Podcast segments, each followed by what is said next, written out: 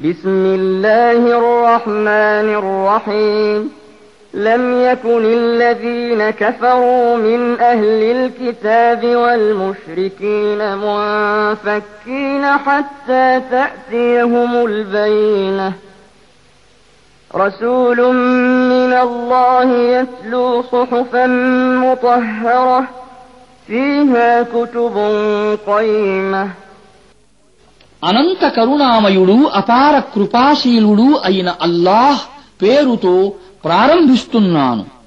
గ్రంథ ప్రజలలోని అవిశ్వాసులు బహుదైవారాధకులలోని అవిశ్వాసులు తమ వద్దకు స్పష్టమైన ప్రమాణం వచ్చే వరకు తమ అవిశ్వాస వైఖరి నుండి వెనక్కి మరలరు. స్పష్టమైన ప్రమాణం అంటే అల్లా తరఫు నుండి ఒక ప్రవక్త వచ్చి సత్యమైన సవ్యమైన రచనలు గల పరిశుద్ధమైన సహీఫాలను చదివి వినిపించటం وما تفرق الذين أوتوا الكتاب إلا من بعد ما جاءتهم البينة وما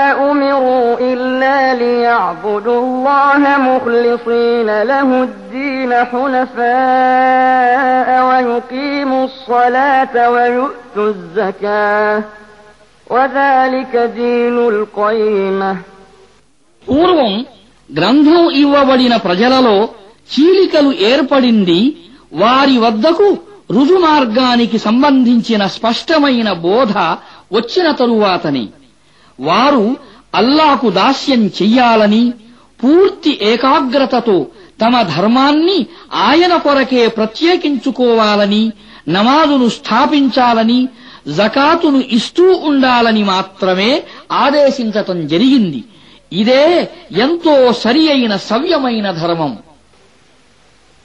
إن الذين كفروا من أهل الكتاب والمشركين في نار جهنم خالدين فيها أولئك هم شر البرية. إن الذين آمنوا وعملوا الصالحات أولئك هم خير البرية. جزاؤهم عند ربهم جنات عدن تجري من تحتها الأنهار خالدين فيها أبدا.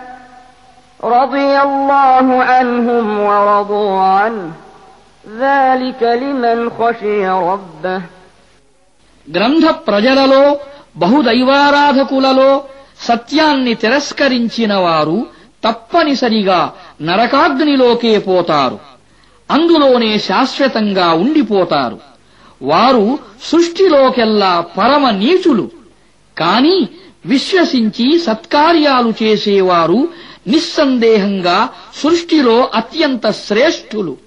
వారికి వారి ప్రభువు వద్ద లభించే ప్రతిఫలం శాశ్వత నివాస స్థలాలైన స్వర్గవనాలు. వాటి క్రింద శలయేళ్ళు ప్రవహిస్తూ ఉంటాయి. వారు వాటిలో కలకాలం ఉంటారు. అల్లాహ్ వారి పట్ల ప్రసన్నుడయ్యాడు. వారు కూడా అల్లాహ్ పట్ల సంతృప్తి చెందారు. ఇది తన ప్రభువు పట్ల భయభక్తులు కలిగి ఉండే వ్యక్తికి లభించే మహాభాగ్యం.